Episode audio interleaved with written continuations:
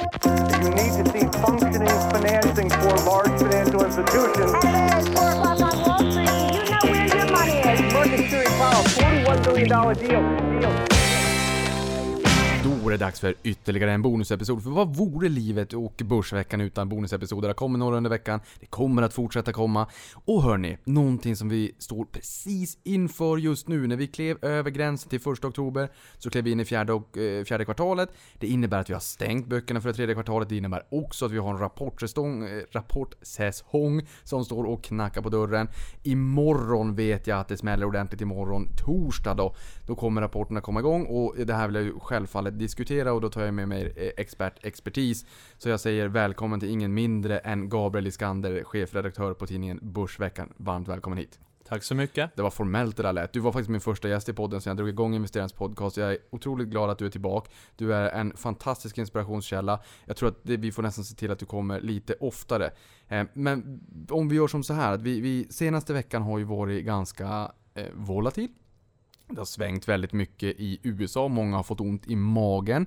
Ehm, en, en börsnedgång på Nasdaq på 4,06% har vi nästan inte riktigt sett sen det brann riktigt ordentligt på, på, på börsen. Vi har springande långränta, konjunktur som sjunger på sista versen, värderingar, handelskonflikt.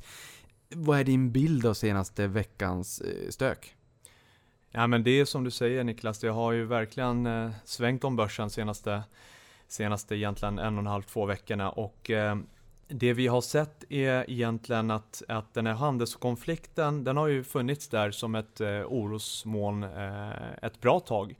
Eh, det, som, det som jag det är ju alltid svårt att peka ut exakta faktorer för en börsnedgång, men, men, men min bild är att det är dels den här handelskonflikten, det var ju lite tjafs mellan mellan eh, Kina och USA igen och sen så var det tjafs mellan Trump och centralbanken kring ränteutvecklingen och så vidare. Han twittrar lite grann negativt om, Precis, om och vi såg att den tioåriga eh, amerikanska eh, långräntan eh, gick tidvis upp över 3,2% och eh, det var kanske det som utlöste själva nedgången. Eh, och sen Sen känner man lite grann att eh, när räntorna är på väg upp och USA har ju kommit en bra bit eh, på den vägen redan eh, så är det så att eh, det, det här modeordet TINA då, there is no alternatives, det blir ju mindre relevant för att eh, faktum är att det skapas alternativ till, eh, till börsen. Eh, och det är väl kanske en kombination av alla de här grejerna som har utlöst eh, fallet. Eh, kanske i kombination med en viss oro också kring konjunkturen och om vi har passerat toppen och eh, och eventuellt även lite vinsthemtagningar. Ja, för lägger man ihop allt det där, alla de där komponenterna så kanske man lätt kan tycka, bara om man räknar dem till antalet pros och cons, att det kanske är lite risk-reward, att det är mera risk än reward just nu. Eh, samtidigt så, jag menar, there is no alternative, eller TINA då, vi kan ju slut både med kreditlina och TINA då. Eh, då, då funderar man eh, i, i USA, Bank of America, Merrill Lynch har sagt att eh, man har skickat ut en investerarenkät och där man till svar har fått att runt 360-375 på 10-åringen, då börjar det vara fullgott substitut till aktier. Alltså att man då eh, väljer att, att eh, allokera om eh, mera till fördel räntemarknad. Eh, bara kort så att säga, för nu är det ju rapportsäsongen vi ska, rapportsäsongen vi ska prata om. Men hur orolig behöver man vara för den nivån och där många eh, förvaltare på ett aggregat säger att där, det är en tipping point eh, för hur vi kommer att agera kring eh, kapitalallokering. Mm.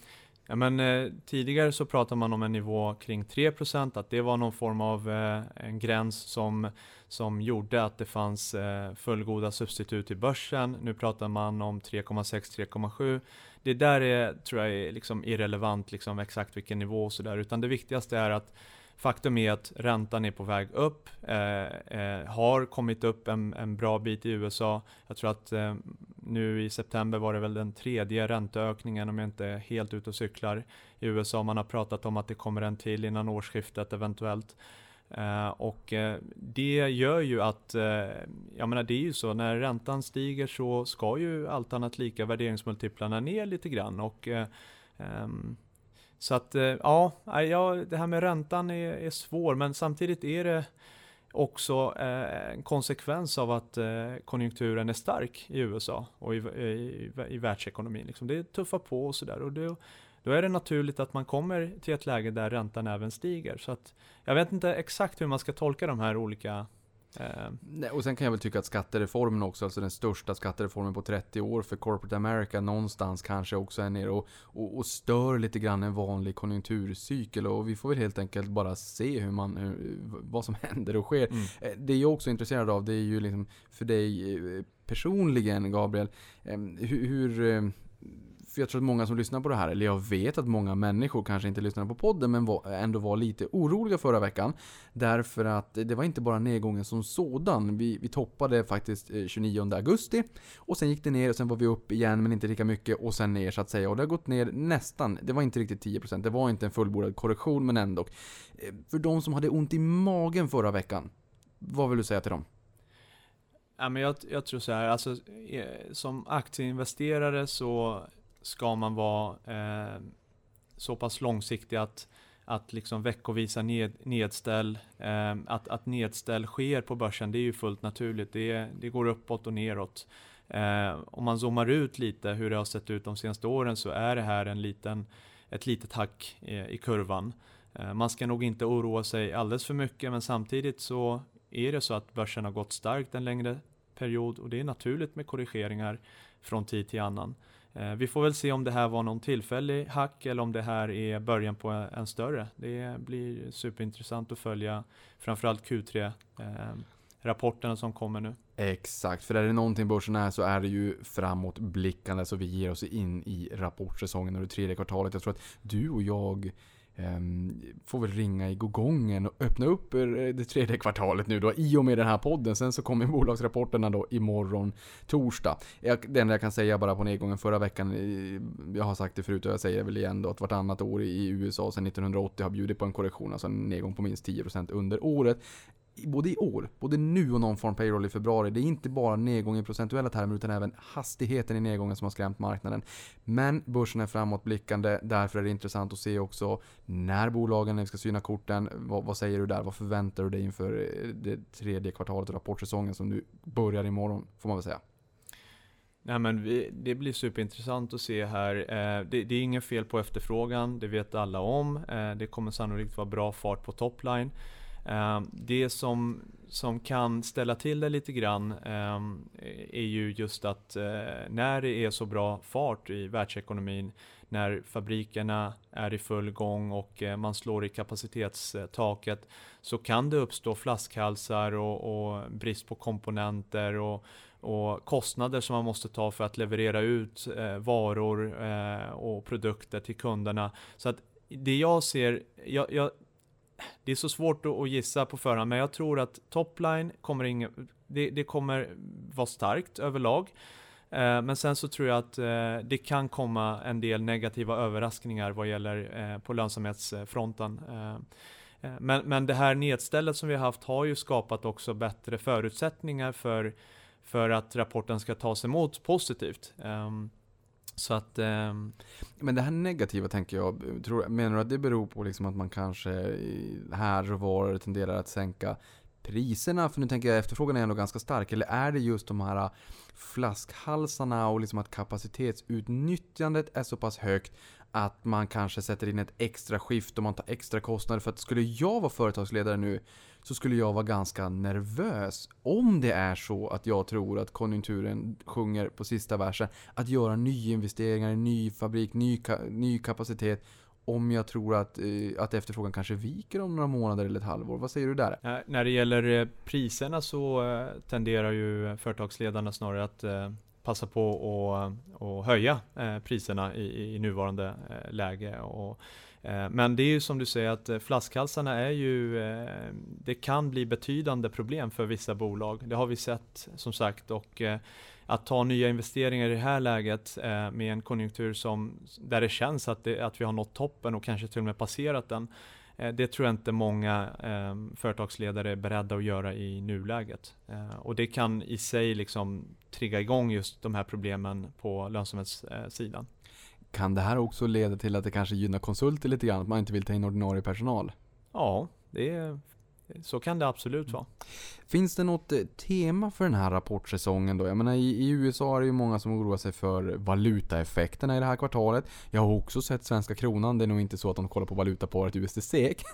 Men den ligger under 9 kronor nu. Eh, är, det- finns det något tema på hemmaplan i Sverige? På Stockholmsbörsen? Nej, det tror jag. Alltså, det, det, vår känsla är som sagt att eh, Ehm, vi räknar med, med att eh, det kommer vara eh, full fart på topline. Utsikterna kommer nog fortsätta vara rätt ljusa och positiva. Men eh, jag räknar med att det kan smälla lite grann på, på ebit och på själva vinst, vinstsidan. Sen vet jag inte om det är fullt inprisat i, i, i, överallt liksom. Men, men det här nedstället som vi haft har ju onekligen eh, Eh, gjort det lite lättare för bolagen att, att överprestera. Men jag tror att eh, man ska se på lönsamheten i, i första hand. Och, eh, och där kan man nog eh, tyvärr räkna med negativa överraskningar, tror jag.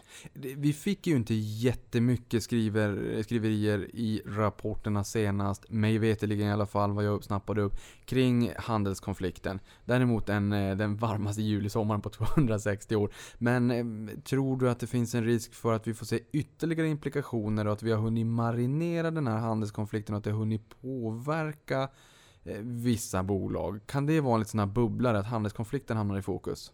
Ja, det har varit i fokus eh, ett tag nu så att eh, jag tror inte det kommer göra någon större eh, skillnad i, i eh, alla vet om det här, det, det är känt på marknaden. Eh, jag tror att investerarna har tagit höjd för att det kan eskalera. Man vet aldrig med Trump i förarsätet. Så att jag tror inte det i sig kommer vara någon form av eh, liksom, trigger, varken på upp eller nedsidan. Ja men vad skönt att höra, för jag tänker mig att investerarkollektivet har väl tagit fasta på det här, men just att man kanske inte liksom lyfte det med någon långtgående implikationer i senaste rapportsäsongen. Att man, man, alla visste ju, alla har ju hört, alla har ju följt det här gnabbet och även kanske Trumps twittrande, men att det inte liksom hade genomsyrat och fått real, reell effekt på bolagen. Men, men uppenbarligen, även om det nu skulle få det kanske i vissa bolag, vi har sett att marknaden har ju tagit höjd för mycket skit och, och vi har ju liksom fått en sättning så att kanske enklare att överprestera då helt enkelt om, om man kommer in i en line eller kanske till och med bättre så att säga. Är det någonting annat som du känner att man bör eh, fokusera och kika på extra noga? Antingen i den här rapporten specifikt eller vid rapportsäsonger i, rent generellt? Nej, men jag tror att det är bra att eh, vara påläst om bolagen så att man snabbt kan uppfatta eh, viktiga signaler. Ehm, eh, när vi tittar på bolag inför rapporter så ställer vi vissa eh, särskilda kriterier alltså, eller krav på att eh, det här vill vi se inför rapporten. Eh, vi vill se att bolaget levererar på den här nivån och så vidare. Och eh, det tror jag är bra även för eh, privatsparare att göra. Att man, man kan bolagen man investerar i.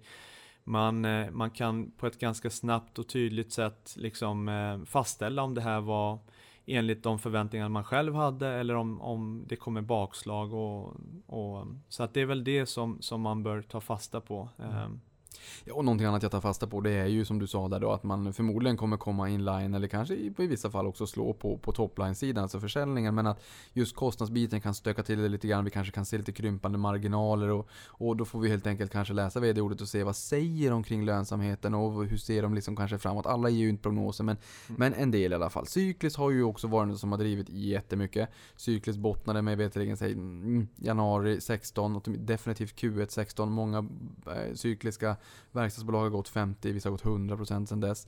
Eh, och det här, just det här med konjunkturen sjunger på sista versen och sådär. Man frågar sig hur mycket mer kan cykliskt driva? Samtidigt som bank ändå har haft det ganska jobbigt. Du vet Gabriel, jag har varit på en stor bank en gång i tiden. När jag lämnade SEB så hade vi varit uppe i 111 spänn, nu står de i 93, det är några år sedan. Vi har klippt kuponger. Eh, för bolagen har liksom hög direktavkastning för att de har höjt utdelningsandelen. Ehm, Är det tid för, kan, eller så här, kan cykliskt fortsätta driva härifrån tror du? Konjunktur? Eller kan vi få se en revival på bankerna? Alltså det som har hänt inom banksektorn nu på senaste tiden är just att eh, det har kommit eh, en del härvor eh, upp till ytan, eh, Danske Bank och, och så vidare. Och det har, eh, det har i sig skapat en osäkerhet eh, för alla banker. Eh, operativt har det inte hänt någonting överhuvudtaget. Eh, men sen är det, man ska inte underskatta den typen av problem som, som finns i sektorn. Många hävdar ju att, eh, många vägrar ju köpa bank för att det är en, en stor eh, svart låda. Man vet inte vad man har på balansräkningen. Spelar liksom ingen roll eh, eh vilken bank det handlar om utan det, det är liksom, man, man, vill inte ta i, i bank överhuvudtaget. Den, den argumentationen har jag hört av flera investerare här på, på senare tid. Men samtidigt är det så att bank sett till vinstförmågan, vinstintjäningen nu, eh, så är det så att det är låga multiplar i sektorn. Eh, kontracykliskt som i, i, i många fall värderas klart högre och där det finns en konjunkturoro och så vidare. Eh, och bank är ju kanske den sektorn som eh, eventuellt skulle kunna gynnas också av eh, stigande räntor. Eh, jag tänker på räntenettot eh, och så vidare. Och, ehm, så att vi har, vi, vi har Swedbank i, i vår lilla modellportfölj och eh, ser eh, aktien som, som ganska lågt värderat samtidigt som man har en fin eh, kudde på nedsidan i form av en hög direktavkastning. Eh, men eh, det är klart att det här eh, debaclet med Danske Bank har ju skapat en osäkerhet i hela sektorn och det kan ta tid innan, innan det här rensas ut ordentligt. Då, då. Mm. Och förutom då om man ska göra lite smygreklam, och jag tänker inte ens smyga mer utan jag tänker stövla in med stora steg i glashuset och säga att det finns då mig veteligen, eller inte ens mig veteligen, det finns ingen skandal i den här banken Avanza som vi sitter på. Så att det, är alltid skönt när det kommer den här typen, eller det är så här, det är tråkigt när det kommer den här typen av riktigt tråkiga Eh, besked. Eh, och speciellt med penningtvätt, för det är så terrorfinansiering och sådär. Det är ingen som tycker att det där är speciellt roligt. Eh, och man, det, det, liksom, det, det, är en hygienfråga. Men det är också komplext, för buset ligger ju alltid steget före. Men samtidigt, sånt där får ju inte... Det, det, får liksom inte få, få grovfäste så att säga. Och ingen bank vill ju bli kallad tvättmaskinen, om man så säger. Men här har vi i alla fall ingen skandal, så nu har jag också sagt det. Men någonting annat jag tycker är intressant med bankerna, det är ju Eh, 2000... Mm, 2007, 2010 tror jag att det var. Så, så var marginalerna bland bankerna på 29 punkter och nu är vi uppe på rekordnivåer runt 170-171 punkter. Eh, vi har ju inlåning då, helt gratis, så man får knappt någon sparränta. Och sen så har vi ju eh, säkerställda bostadsobligationer ute på obligationsmarknaden som man typ kan få negativ yield till. Så det är ju en rekordnivå just nu. Klassiskt sett, eh, det här blir en lång utsvävad fråga men det är snart klar. Klassiskt sett ehm, så har ju stigande räntenivåer nivåer gynnat banker och försäkringsbolag med deras float och så att säga. Typ som Berkshire Hathaway och Warren Buffett. Ehm, men, men nu då? Kan det verkligen gynna på samma sätt tror du när vi får stigande ränteklimat i och med att vi har sån extrem marginal just nu som är en biart av det negativa ränteklimatet? Svår ja, fråga såklart. Ja, det, det, det, är knepigt att svara på sådär eh, direkt. Men, men jag, det, jag, det jag tar fasta på när jag tittar på bank, det är att eh, du har ju Eh, dels eh, det här med räntan, att de, de, de är ju relativa eh, vinnare på grund av att de kan öka. Historiskt sett så har det alltid varit så att när, när räntan stiger så har räntenettot kunnat eh, eh förbättras.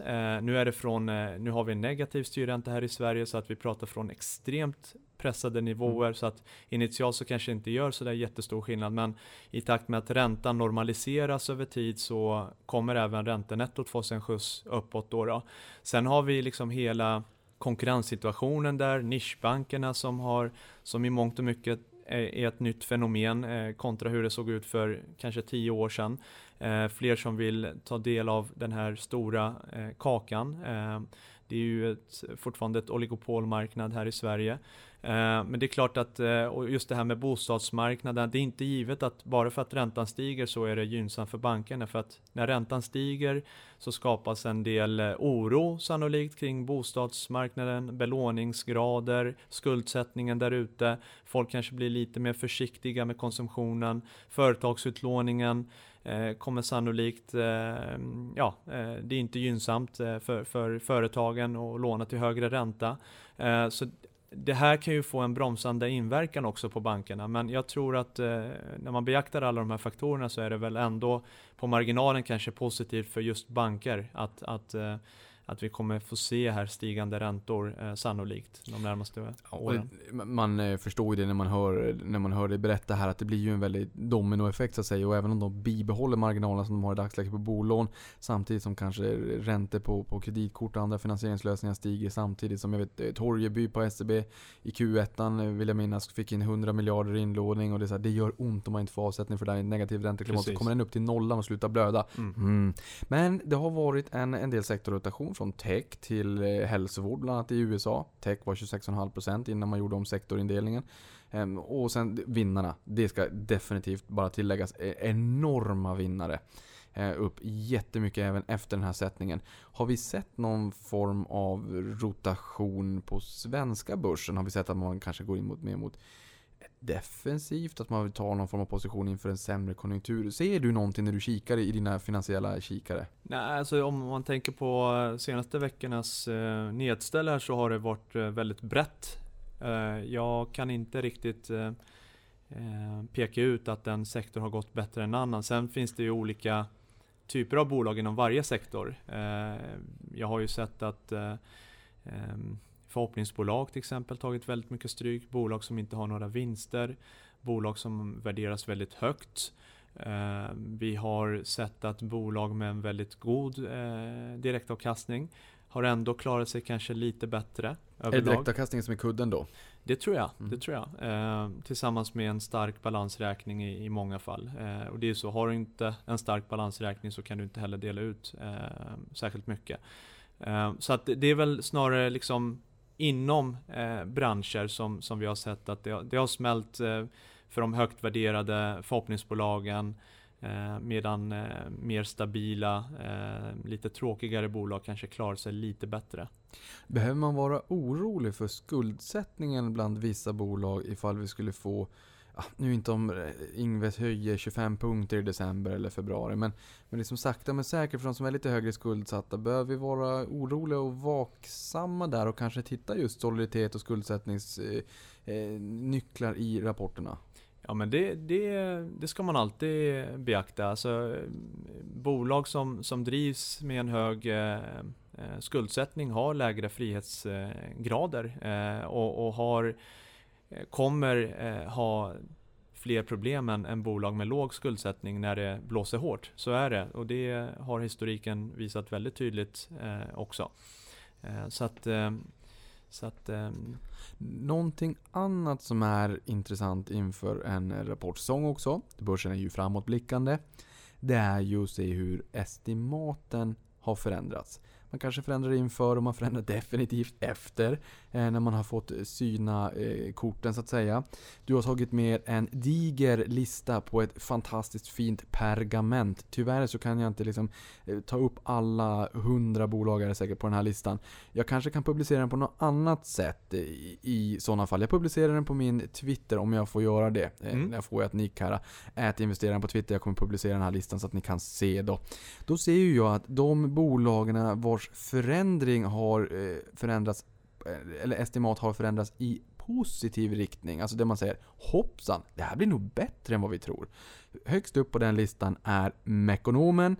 Har stigit 1,8% senaste tre månaderna, men man har reviderat upp förväntningarna 24,5% nästan. P talet har fallit 18% för att Ja, dels på att man, eh, man justerar upp. Eh, sen kan jag ju inte säga att på grund av att aktien har fallit, för den var ju upp 1,8% de senaste tre månaderna. Och P talet ligger på 8,4. Kommentar på, på Mekonomen, vi börjar där. Ja, alltså i Mekonomens fall så är det sannolikt kopplat till eh, förvärvet man har gjort. Man aviserade ett förvärv för ett tag sedan så att sen finns det alltid en liten lagg innan analytikerna lägger in sina uppreviderade estimat eller justerade estimat då. Och här har man sannolikt justerat för det här förvärvet.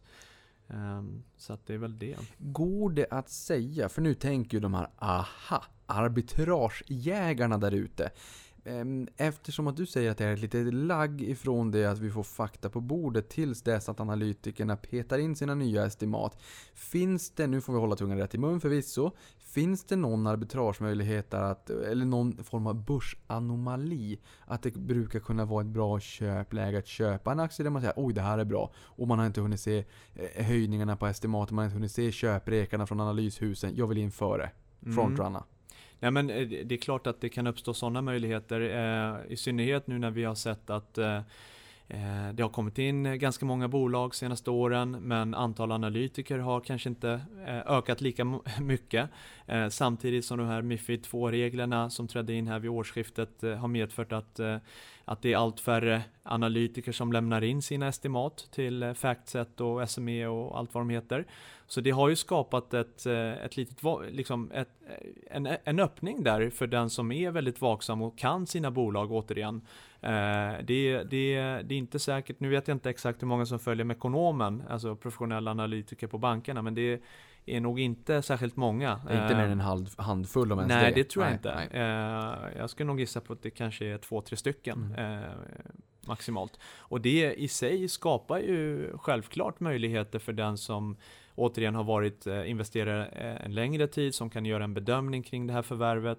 Det finns ju så mycket brus där ute. Eh, allt justeras ju inte i, i, sekunden så att säga. Så att det är ju det som är charmen med börsen. att är man påläst om sina bolag och kan uppfatta och snappa upp de här signalerna och, och beskeden som bolagen kommer med så kan man faktiskt eh, göra en del fina affärer. Ehm, eh, marknaden kan vidare liksom eh, missförstå olika eh, nyheter, man kan överreagera både på upp och nedsidan.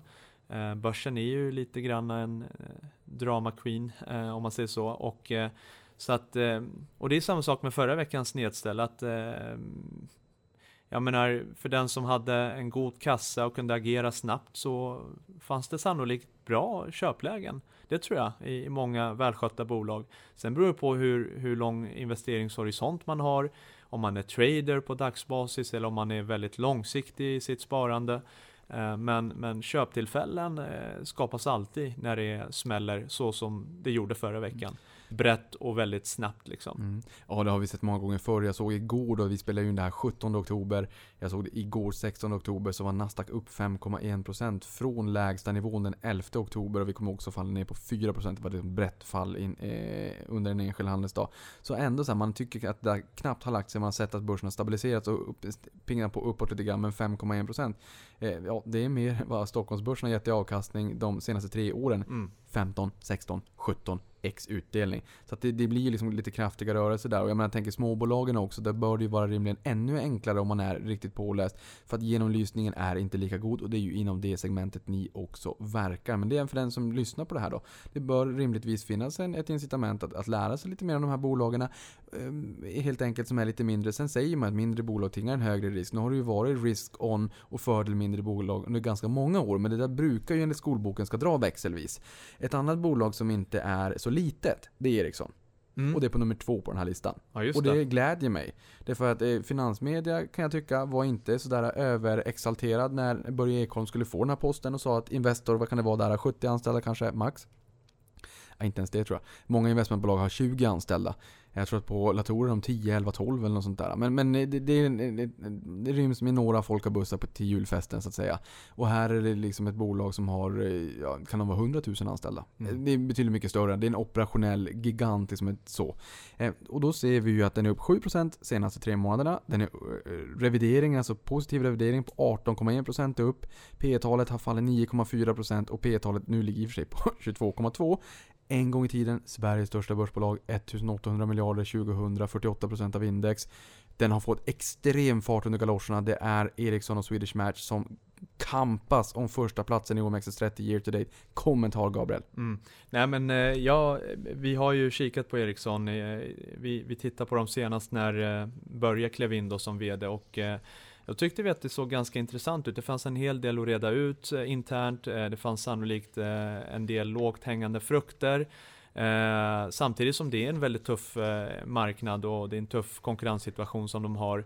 Eh, men det, det som man eh, har sett här på senare tid är att Ericsson har visat sig vara eh, ledande inom 5G och att det rör på sig väldigt mycket där i USA inom det här segmentet och att eh, det har kommit positiva nyheter eh, kring eh, Ericsson och eh, just det här 5G-satsningen som man gör och som är en väldigt, väldigt viktig del av av eh, bolagets framtid och kommer vara väldigt viktig i många, många år framöver.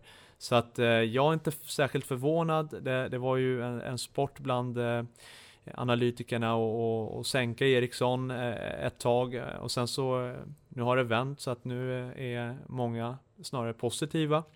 Men det är ingen jättebillig aktie om man ser till P tal och ev ebit och så vidare. Men, men det är kul. Det är en folkaktie så att fortfarande i mångt och mycket. Och det, det är glädjande att, att de har kunnat revanschera sig. Ja, innan vi går till andra eh, mindre smickrande ringhörnan, de som har fått störst sänkningar, så kan vi också bara reflektera kring att eh, Ericssons förra VD då har ju nu fått VD-posten på Verizon. Vilken skräll! Norrlänning, norrbottniska, ja, Norrbotten vågar jag faktiskt inte svära på, men norrlänning i alla fall. Stort bolag. Ja. Eh, kul för honom, grattis. Men, men, om vi då går tillbaka till den här inte lika charmerande hörnan då. Ja, då hittar vi ju bolag som Cherry, Catena Media och Leo Vegas. Och då får jag väl läsa upp det här också för er som sitter med, med, med penna och papper som vill skriva ut då. Det är att kursutvecklingen på tre månader, minus 4,9% på Cherry, minus 31% nästan på Catena Media och 31,1% på Leo Vegas.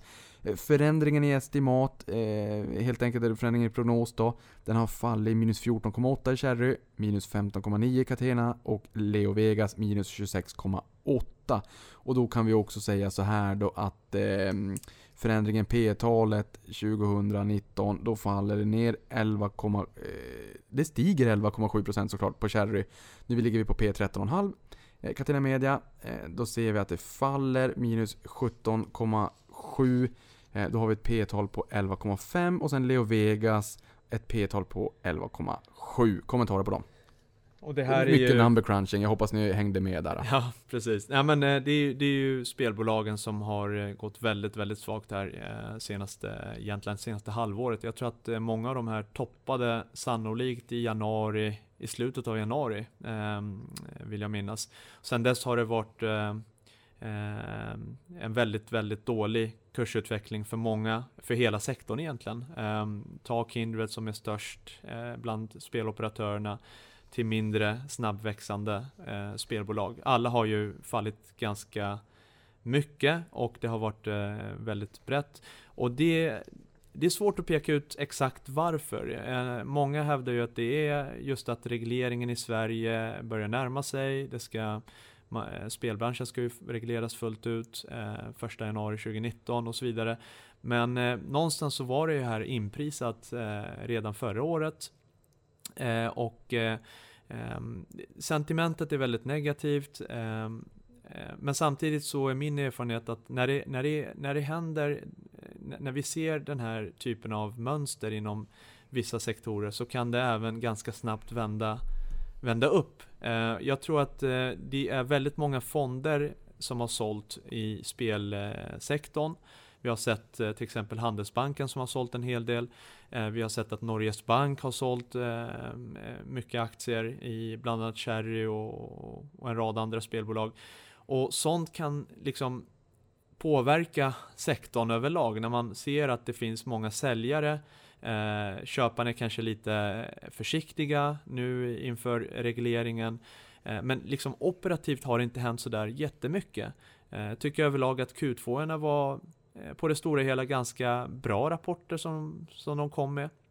Eh, och det finns eh, fortfarande rätt goda förutsättningar för de här bolagen att eh, bibehålla en ganska bra tillväxt. Och, Ehm, sen kommer det komma press på lönsamheten, självklart, eh, i takt med att alltså, fler marknader regleras.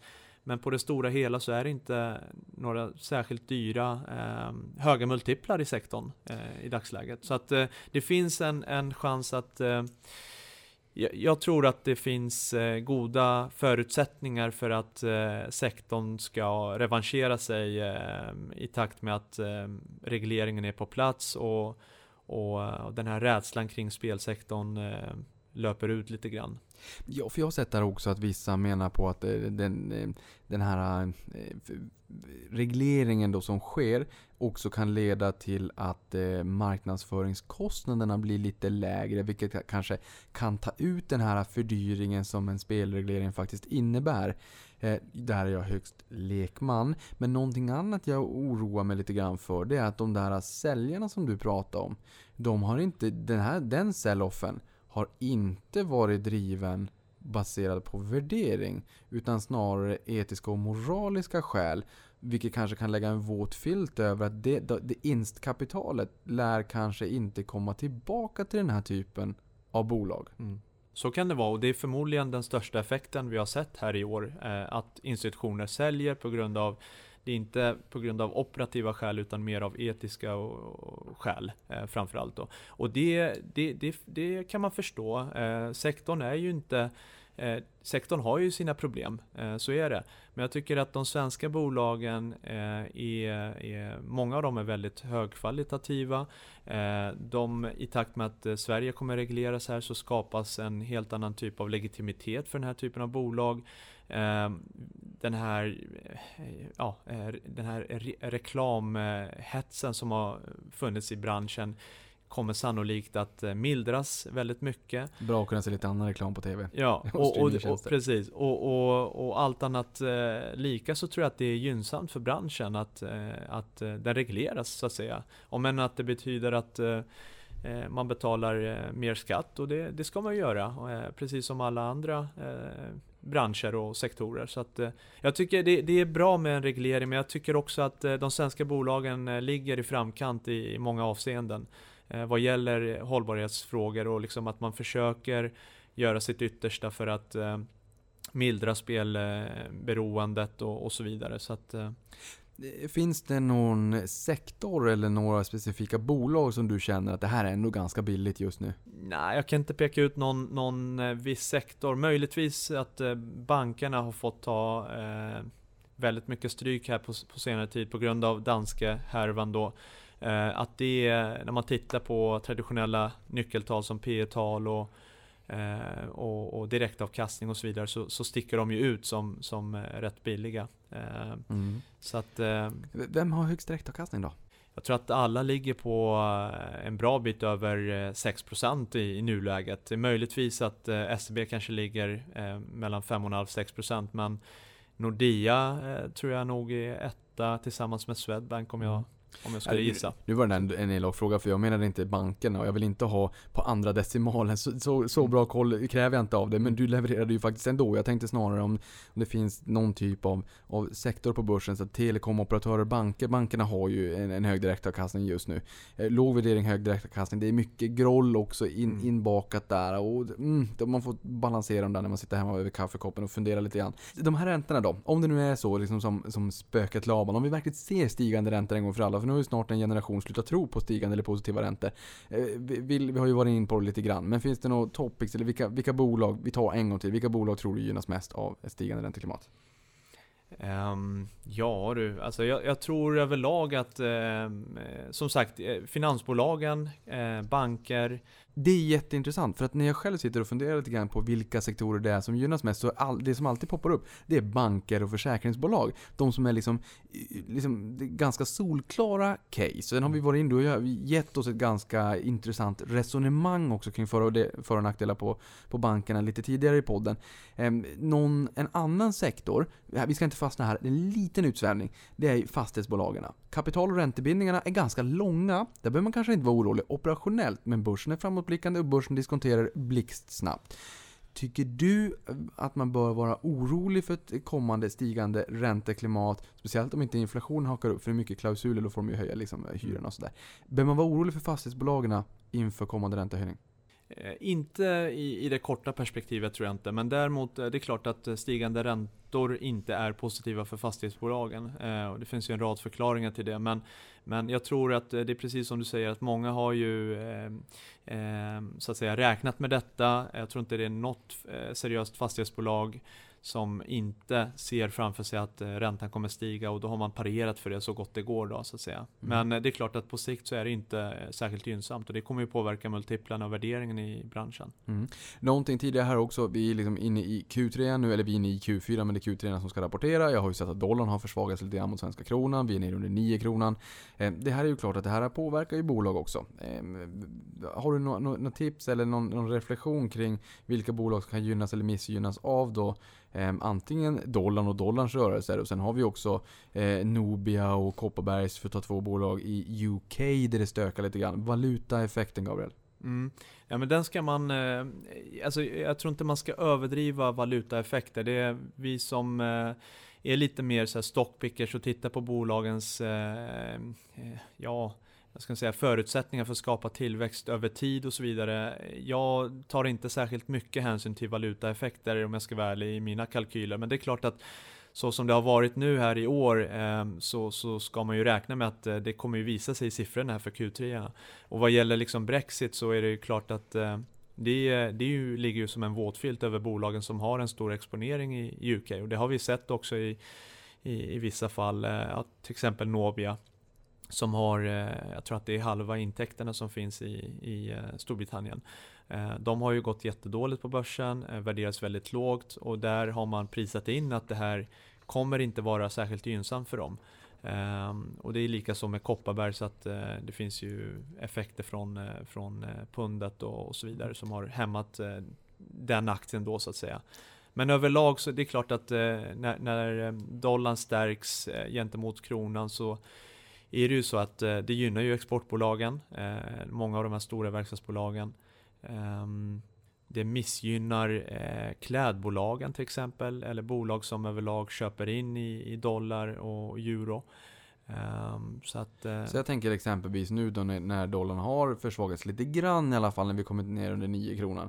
Um, ehm, det är ju som du säger, det här är ju på lång sikt så är ju valutan verkligt brus. Men jag tänker kanske H&M som köper in mycket i råvaror, bomull och sådär i, i, i dollar. Samtidigt så ökar man ju sin försäljning i USA också. De tar ju ut lite grann varandra. Mm. Eh, Clas Ohlson har ju haft det jobbigt. De är ner 60% sen, sen eh, inledningen 2016. Det är klart, där köper man ju också in i dollar och sådär. Men, men eh, brus mer eller mindre. Mm. Ja, ja alltså, ja, det, jag tror det. Ja. sen på kort sikt så kan det ju som sagt synas i siffrorna konkreta liksom, effekter av, av valutasvängningarna. Men jag tror inte det är där man ska fokusera som investerare, som långsiktig investerare. Nej, det är som när Kopparbergs var med i podden, då pratade han om eh, Peter Bronsman då. Han pratade ju om att vi fokuserar på att sälja mer produkter.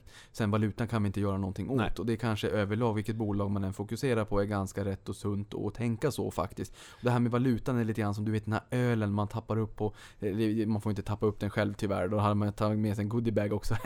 men, men då om man tappar upp det så blir det en skumkrona så så, så blåser man bort den där och den, det är ju valutan, då försvinner den om, om det går en emot. Men sen mm. så tappar man upp lite mer öl, då är den tillbaka den där skumkronan igen. Precis. Valutan mera flyktig, mm. inte lägga så mycket vikt vid det. Nej. Finns det också några bolag som du känner ligger dig varmt om hjärtat? Och det här är alltså inte bolag som är intressanta på en värderings, eh, ur ett värderingsperspektiv just nu. Utan så här, det här är ett fint trevligt bolag. Kanske mm. för dyrt nu, mm. må så vara. Ja. Men som är liksom riktigt trevliga bolag oavsett, mm. oaktat värderingen. Mm.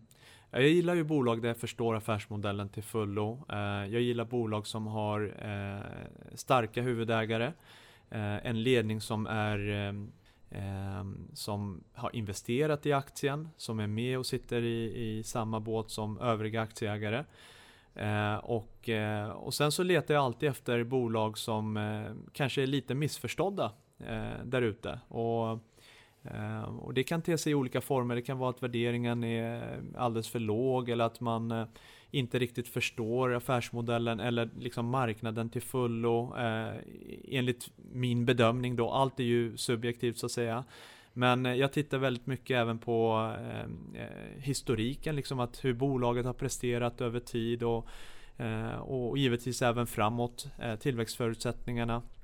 Försöker studera marknaden så gott det går eh, och, och, och, så vidare. Så att eh, eh, det är väl det klassiska BV-bolaget, ett bolag som ändå värderas hyggligt låg men som växer ganska bra som har eh, en bra ledning och starka huvudägare. Det är, det är ingen raketforskning, men, men hittar man den, ett bolag som, där man kan eh, ja, eh, bocka av alla de här rutorna så tror jag att man nog över tid kan göra en bra affär.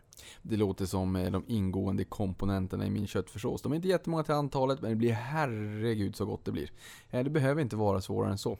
Eh, vad säger du då om eh, börsens värdering? För det är ju också nu i tredje kvartalet, rapportsäsongen, vi får syna korten lite grann. Ehm, jag tänker, jag menar, ta i USA som exempel. Tar vi SPX eller S&P 500 då. Trailing 12 months, släpande 12 månader, 20,0 i P tal. 15,7 eh, om vi tittar på framåtblickande eh, kommande år. Det var 16,7 innan stöket, nu är det 15,7. Det är mycket vinsttillväxt där. Vi har två kvartal, eller vi har ett flertal kvartal idag, med två vet jag på rakt arm, där, där vinsten har växt över eh, 20%, tror det var 25 nu här i somras. Ehm, och sen har jag lite kuriosa här bara. Och det är att 68% av bolagen i S&P 500 har slagit topline-estimaterna i Q3. Då alla har inte kommit, men so far då. Versus snittet på 59% de senaste fem åren. Så 68% har slagit topline, 59% historiskt fem år. Går vi ner på earnings eller på, på vinsten då så att säga. Så 86% av bolagen i USA har slagit det här jämfört med femårssnittet på 71%. Så det är fördel, i positivt läge i USA. Vad säger du om värderingen på börsen i Sverige? Ja, om man tittar på hur P talet ser ut nu för 2018 för OMXS30 då. Eh, vi har det här varje vecka i tidningen och har en liten snurra som uppdaterar för detta då. Och alla siffror är hämtade från eh, Factset. Eh, får man tillägga. Men P talet för 2018 har faktiskt eh, fallit ner till 14,6 nu för OMXS30-bolagen. Eh, och, och, och den faller vidare ner mot eh, 14. Så det är P14 på nästa års förväntade vinster då enligt Factset. Eh, och där ligger en, en inprisad vinsttillväxt på 10% eh, i den kalkylen. Eh, tittar man översiktligt på direktavkastningen för de här 30 mest handlade bolagen så är det 4,4% man får eh, i nuläget.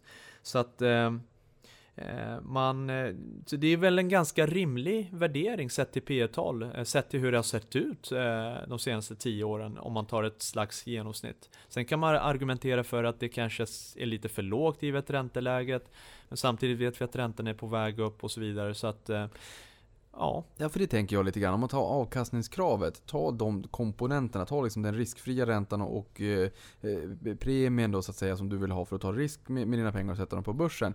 Eh, den här riskfria räntan, det är klart att den, den, den kan ju stiga så att säga. Men, men givet att vi har eh, negativa räntor i Sverige och det är klart att man får kika på långräntorna också. Tioåringen är det som många tittar på i USA och den är det kanske 0 70 eller något sånt där i Sverige.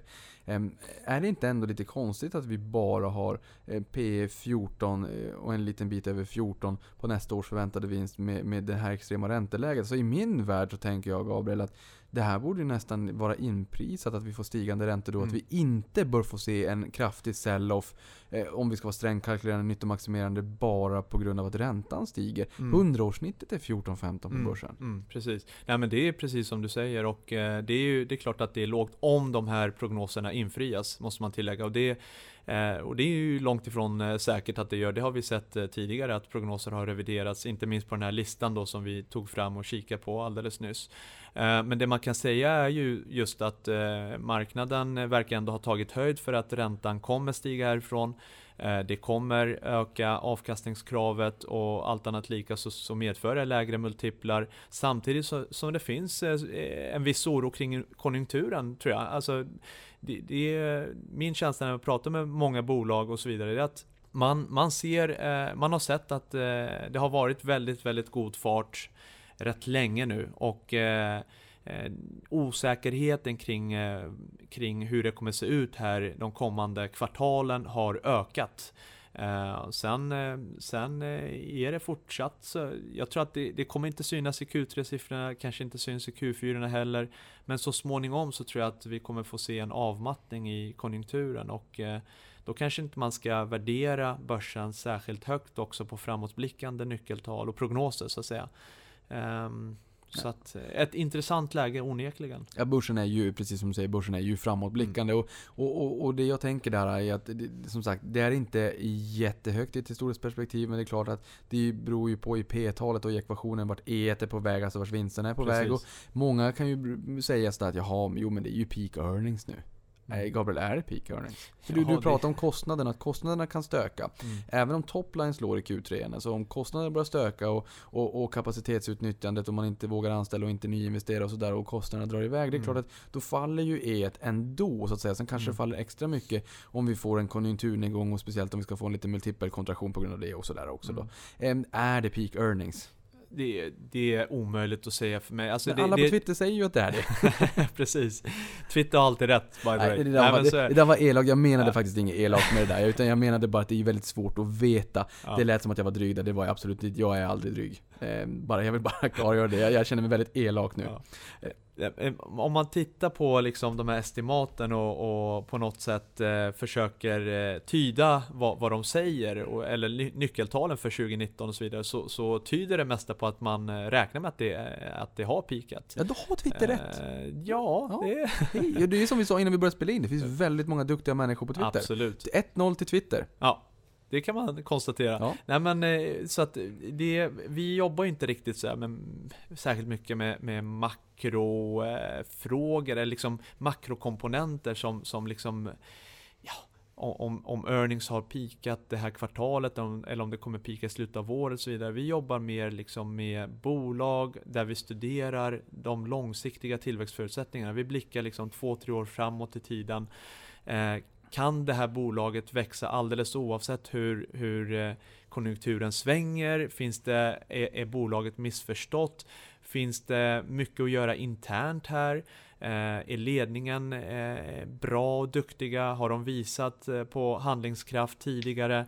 Ehm, och, och sådana aspekter liksom, snarare än att liksom försöka gissa på om vi eh, har passerat toppen eller om toppen ligger framför oss. Det, det där är, det blir till slut en gissningslek. Det låter, så det, det låter alldeles underbart för att i alla konjunkturlägen, i alla tider så kommer det finnas bolag som egen lyckas med och som eh, lever och frodas. Vi har till och med hittat djur i såna här kärnreaktorer där det är helt omöjligt för saker och ting att leva.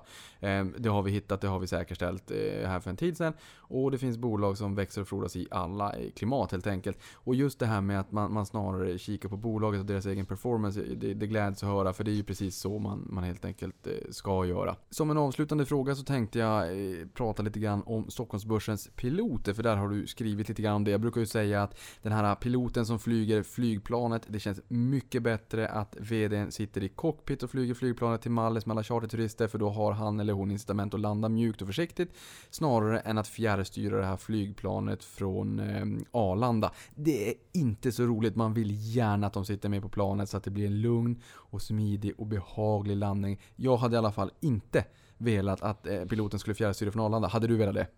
Nej, det hade jag inte. Men piloterna på börsen då? Det här är ju evigt intressant. Antingen både Mm. piloterna på börsen, alltså VDn, men även ägare av kött och blod. Alla investmentbolag på, på Stockholmsbörsen, egentligen utan undantag, tror jag, stora som små, har starka huvudägare och det är intressant. Men nu fokuserar vi på VD på piloterna. Vad har du skrivit där? Eh, jo, jag tog fram en lista faktiskt över de, de största piloterna kan man säga på, på huvudlistorna, alltså Stockholms eh, ja, eh, large, och mid cap och, och small cap. Och hypotesen eh, inför den här krönikan var att, eh, att dessa eh, har presterat bättre än index de senaste fem åren. Eh, och när jag tog fram den här statistiken med hjälp av eh, ägardatabasen Holdings då så, så stämde det väldigt väl. Eh, I 13 av 15 eh, bolag så, så hade aktien presterat mycket, mycket bättre än index. Eh, och om detta skrev jag några rader om. Och det är väldigt glädjande att se att, att de bolagen har gått klart bättre än index. Så att det, det, det, det var något man anade. Det, det finns starka incitament för, för ledningen att skapa aktieägarvärde. Eh, och eh, det, det har syns i, i eh, 13 av 15 fall. Så att, Det gläder mig att höra. Jag gillar verkligen pilotskolan. Jag gillar ägare av kött och blod. Det finns en, en internationell, eh, Eh, jag ska inte kalla det för studie, men rapport också från, jag tror att det var Mary Lynch som släppte den där som visar internationellt.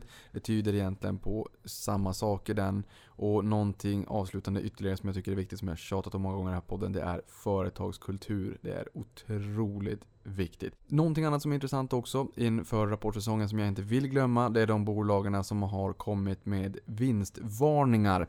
Alltså då att eh, man kraftigt avviker från marknadens estimater. Alla bolag har ju inte prognoser, egna prognoser sådana så att säga. Eh, men på många bolag finns det ju estimat, så man kan ju se liksom om marknaden ligger ganska långt ifrån. Eh, och här har vi sett Husqvarna, eh, vi har sett Getinge, NCC, Serneke, MQ kom med vinstvarning i augusti. Eh, det var sämre när rapporten kom än, vinstvarning vinstvarningen där i augusti. Volvo, lite utsläppskalabalik. Man säger att det kan vara en våt filt över aktien i många år. Zalando, det är i och för sig i Tyskland så det ska vi inte sväva ut på. Men det har varit några stycken, mycket fördel konfektion. Innan vi går in på dem, en vinstvarning, kan, man, kan du sväva ut någonting kring egentligen vad som behövs kring en vinstvarning? För det känns jätte luddigt. Det finns inget som, så här, om det är försäljningen som avviker x procent eller vinsten x procent eller så här, finns det, eh, jag, jag, ska inte ge en sån pass elak fråga för jag har sökt svaret på den här och inte hittat den. Men har du någon känsla för kring när tycker du att det är en skräll om man inte har gett en vinstvarning? Det är jättesvårt att säga, men, men jag tycker att bolag som, där det finns estimat på marknaden, prognoser, alltså lite större bolag som i NCCs fall och eh, Getinges fall och kanske även eh, Husqvarnas fall så, så är det ju rätt rimligt att snegla på dem och eh, inser man att, eh, att man kommer bomma de prognoserna så kraftigt. Eh, sen om det är liksom 10, 20, 30 procent, det, det, vet jag faktiskt inte exakt hur reglerna ser ut. Men eh, jag vill minnas att det, är en, eh, det ska vara en betydande avvikelse. Och det är just det, just det som är så luddigt. Ja. För, för det finns inte något givet svar att det är si och så mycket. Ja. Man, får, man, får, man får hoppas att bolagen har så pass bra omdöme att de på något sätt inser att det här kommer mottas väldigt negativt, att vi måste skicka ut en, en varning om att det här, vi kommer inte leverera upp till de här prognoserna. Men det är ju en väldigt subjektiv bedömning tror jag även som varje ledning gör. Eh, sen har vi sett bolag som har svängt otroligt på rapporter. Alltså Ericsson är ju en, en känd eh, aktie som hela tiden liksom eh, antingen är den upp 10% eller ner 15%. Eh, och eh, det är klart att det, ibland är det svårt att, att, att veta exakt när man ska ut med en vinstvarning. Men i det fall där det finns eh, eh uppdaterade och, och eh, bra prognoser så ska man snegla på dem i första hand. I mindre bolag så är det ju Eh, mycket svårare. Mm. Där, där, finns inga estimat att snegla mot och det är svårt att bilda sig en, en uppfattning kring vad marknaden har för förväntningar då. då. Mm. Att, ja, men det man kan säga här i sådana fall, det är ju att det är ju förtroendekapitalet för bolaget som står ja. lite grann på spel ja. så att säga. Och man, man ska ändå vara lite duktig på det där. Du sa Ericsson här också, jag vill bara tipsa in på Avanzas hemsida, kika på Ericsson. Där går det liksom att kika in och ställa liksom en inställning och tryck rapporter, så kommer rapporten med rosa pluppar upp i grafen. Ta grafen på 20 år, kika på liksom när, hur, hur rörelsen har varit, eh, så kommer du se. Det är ganska roligt att se. Nåväl, det var faktiskt en utsvävning. De här bolagen då, vi har, eh, jag tar NCC, Getinge, Serneke, MQ från i somras i och för sig. Zalando behöver inte heller kommentera för det utlands, utomlands. Ser du någon röd tråd kring vinstvarningarna vi har fått inför den här rapportsäsongen? Eh, nej, inte direkt faktiskt. Alltså, eh, Husqvarnas fall så skyller man en hel del på vädret, det varma vädret som hämmade eh, försäljningen av eh, trädgårds, eh, ja, gräsklippare och dylikt. Eh, I MQs fall så var det ja, det är ju en eh, dålig, ehm, eh, dålig efterfrågan inom, inom eh, klädbranschen. Serneke eh, och NCC möjligtvis dåliga projekt. Man tar eh, kostnader för att eh, rensa ut i böckerna. Men ingen direkt röd tråd, det, det skulle jag inte säga. Nej, men det är ju intressant att se också. Det, mm, att det kanske inte är någon röd tråd i sommaren och det varma vädret. Det är klart det är en klassiker att skylla på det. Eh, vi får helt enkelt se. Det blir ju, vi har lite mer kött på benen efter rapportsäsongen helt enkelt. Mm. Gabriel, det har varit superroligt att ha dig här. Vi är fullt laddade för att när vi spelar in det här, jag kommer redigera och publicera samma kväll idag, 17 oktober.